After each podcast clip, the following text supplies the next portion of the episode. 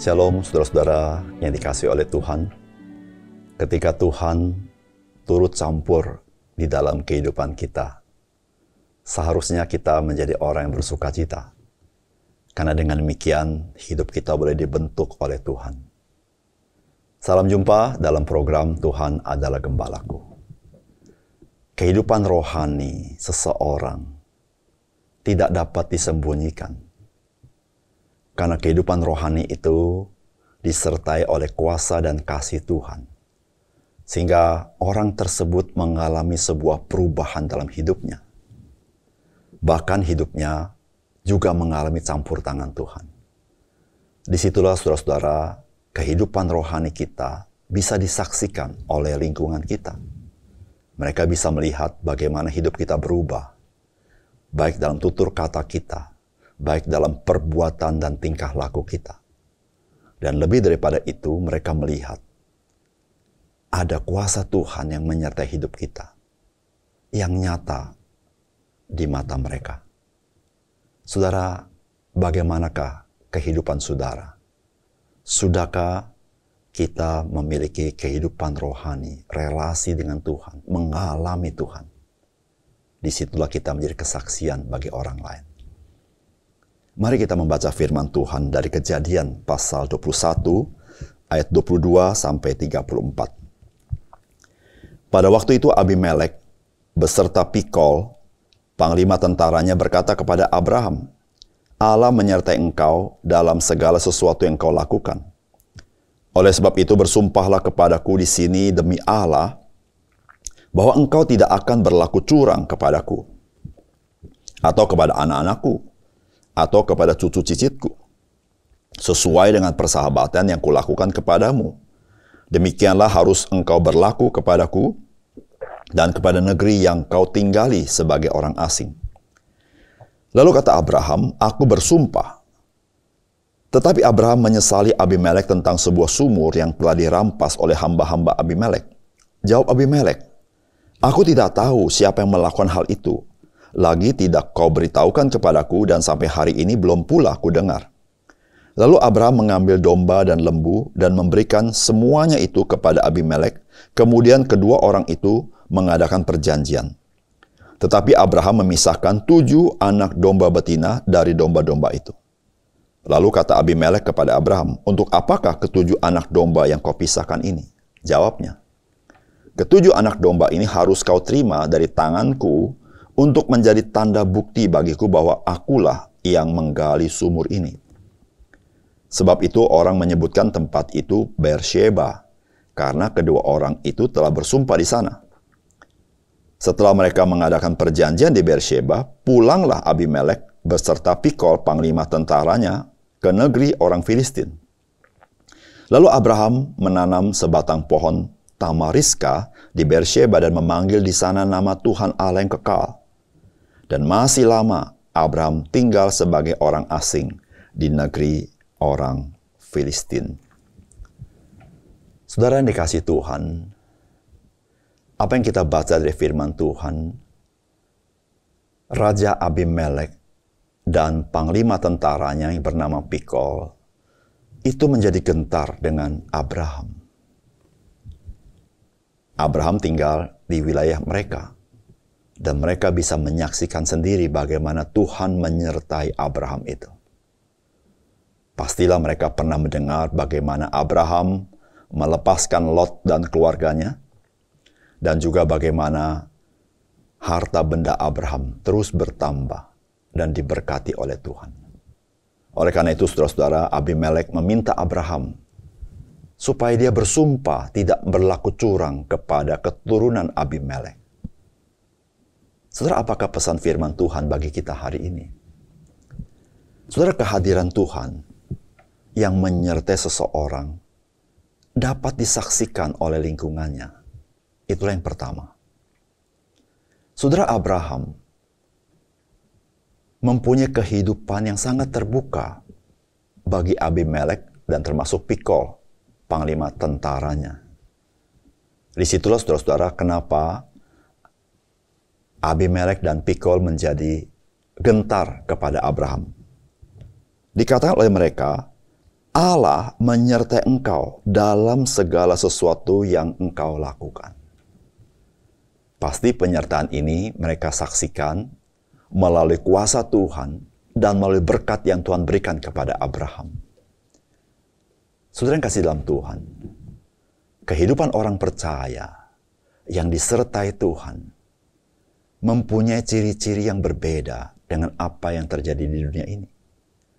Karena di dalamnya ada kasih berkat Tuhan dan di dalamnya ada kuasa Tuhan yang menyertai. Sehingga saudara-saudara, orang selingkungan dengan kita sebagai orang percaya bisa menyaksikan bahwa orang ini berbeda. Di situlah saudara-saudara, kita bisa menjadi kesaksian bagi dunia ini. Bukankah orang-orang percaya Tuhan Yesus katakan kita adalah garam dan terang dunia? Dan terang itu tidak bisa disembunyikan. Dia akan terus bercahaya, menyinari lingkungannya. Saudara, oleh karena itu, betapa penting kehidupan rohani kita. Kehidupan rohani tidak bisa lepas dari relasi kita dengan Tuhan. Kehidupan rohani tidak bisa lepas daripada ketaatan kita kepada firman-Nya dan kerelaan kita untuk dibentuk oleh Tuhan. Saudara, sudahkah saudara memelihara kehidupan rohani yang baik sehingga menjadi kesaksian bagi orang lain? Yang kedua, saudara orang percaya haruslah dapat dipercaya oleh lingkungannya. Abimelek dan Pikol datang kepada Abraham karena mereka gentar kepada Abraham melihat kuasa Allah dalam hidupnya. Dan mereka meminta Abraham bersumpah untuk tidak mengganggu atau berlaku curang kepada keturunan Abimelek.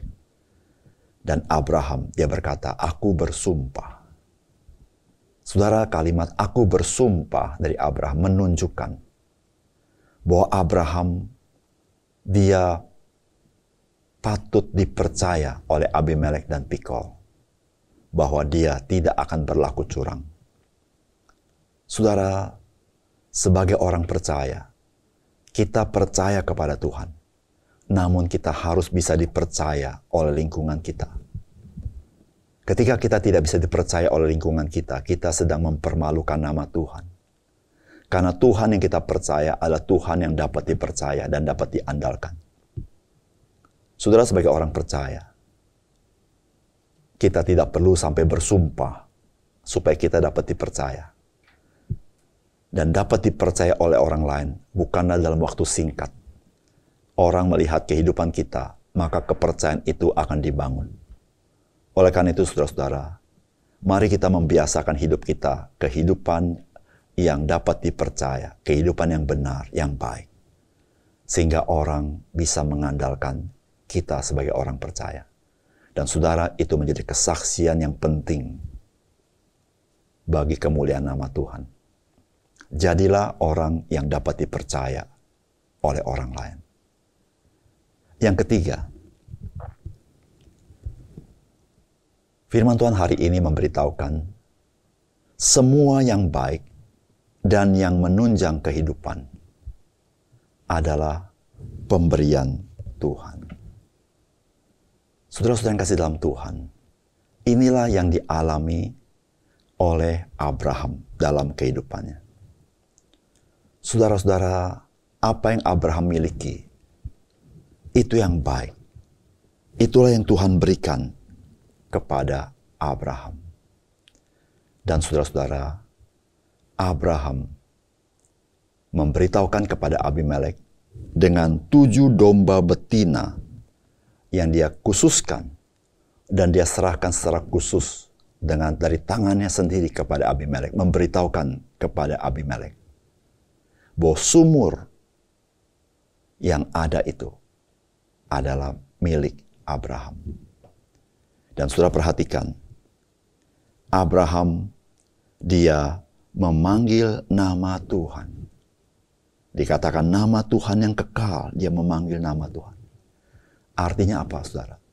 Saudara Abraham mengakui kehidupan yang Abraham miliki itu adalah pemberian daripada Tuhan. Oleh karena di situ saudara-saudara Abraham dia bersyukur kepada Tuhan dengan memanggil nama Tuhan. Saudara apa yang baik yang menunjang kehidupan kita, itulah yang Tuhan sediakan dalam hidup kita. Oleh karena itu, saudara-saudara, kenapa kita bisa, masih bisa melanjutkan kehidupan kita dengan baik? Karena Tuhan menyediakan itu bagi kita. Meskipun kita punya tanggung jawab di dalam kita memelihara hidup kita, nah, namun Tuhanlah yang sebetulnya memelihara kehidupan kita. Oleh karena itu, saudara-saudara, marilah kita seperti Abraham. Di dalam pengakuan kita bahwa kehidupan kita pemberian Tuhan. Kita selalu memanggil nama Tuhan. Di dalam rangka kita memuliakan dia, mengakui dia, bahkan mengucap syukur kepadanya. Mari kita berdoa. Bapak surga terima kasih untuk kebahagiaan firman Tuhan ini. Kami berterima kasih Tuhan ingatkan bahwa kami sebagai orang percaya haruslah menjadi orang yang dapat dipercaya di tengah-tengah dunia ini. Sehingga kami boleh menjadi kesaksian bagi orang lain. Dan kami tahu ya Tuhan, orang-orang percaya yang mengalami campur tangan Tuhan bisa mendapat menjadi kesaksian bagi orang lain akan kasih dan kuasa Tuhan sehingga orang lain boleh mengenal Engkau. Tuhan jadikanlah hidup kami yang seperti ini.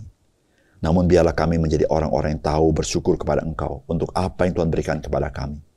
Sehingga kami tidak lupa selalu memasyurkan namamu, memanggil namamu ya Tuhan. Tuhan biarlah hari ini sekali lagi yang belajar memasyurkan nama Tuhan dalam hidup kami. Terima kasih Tuhan. Dalam nama Tuhan Yesus kami berdoa. Amin.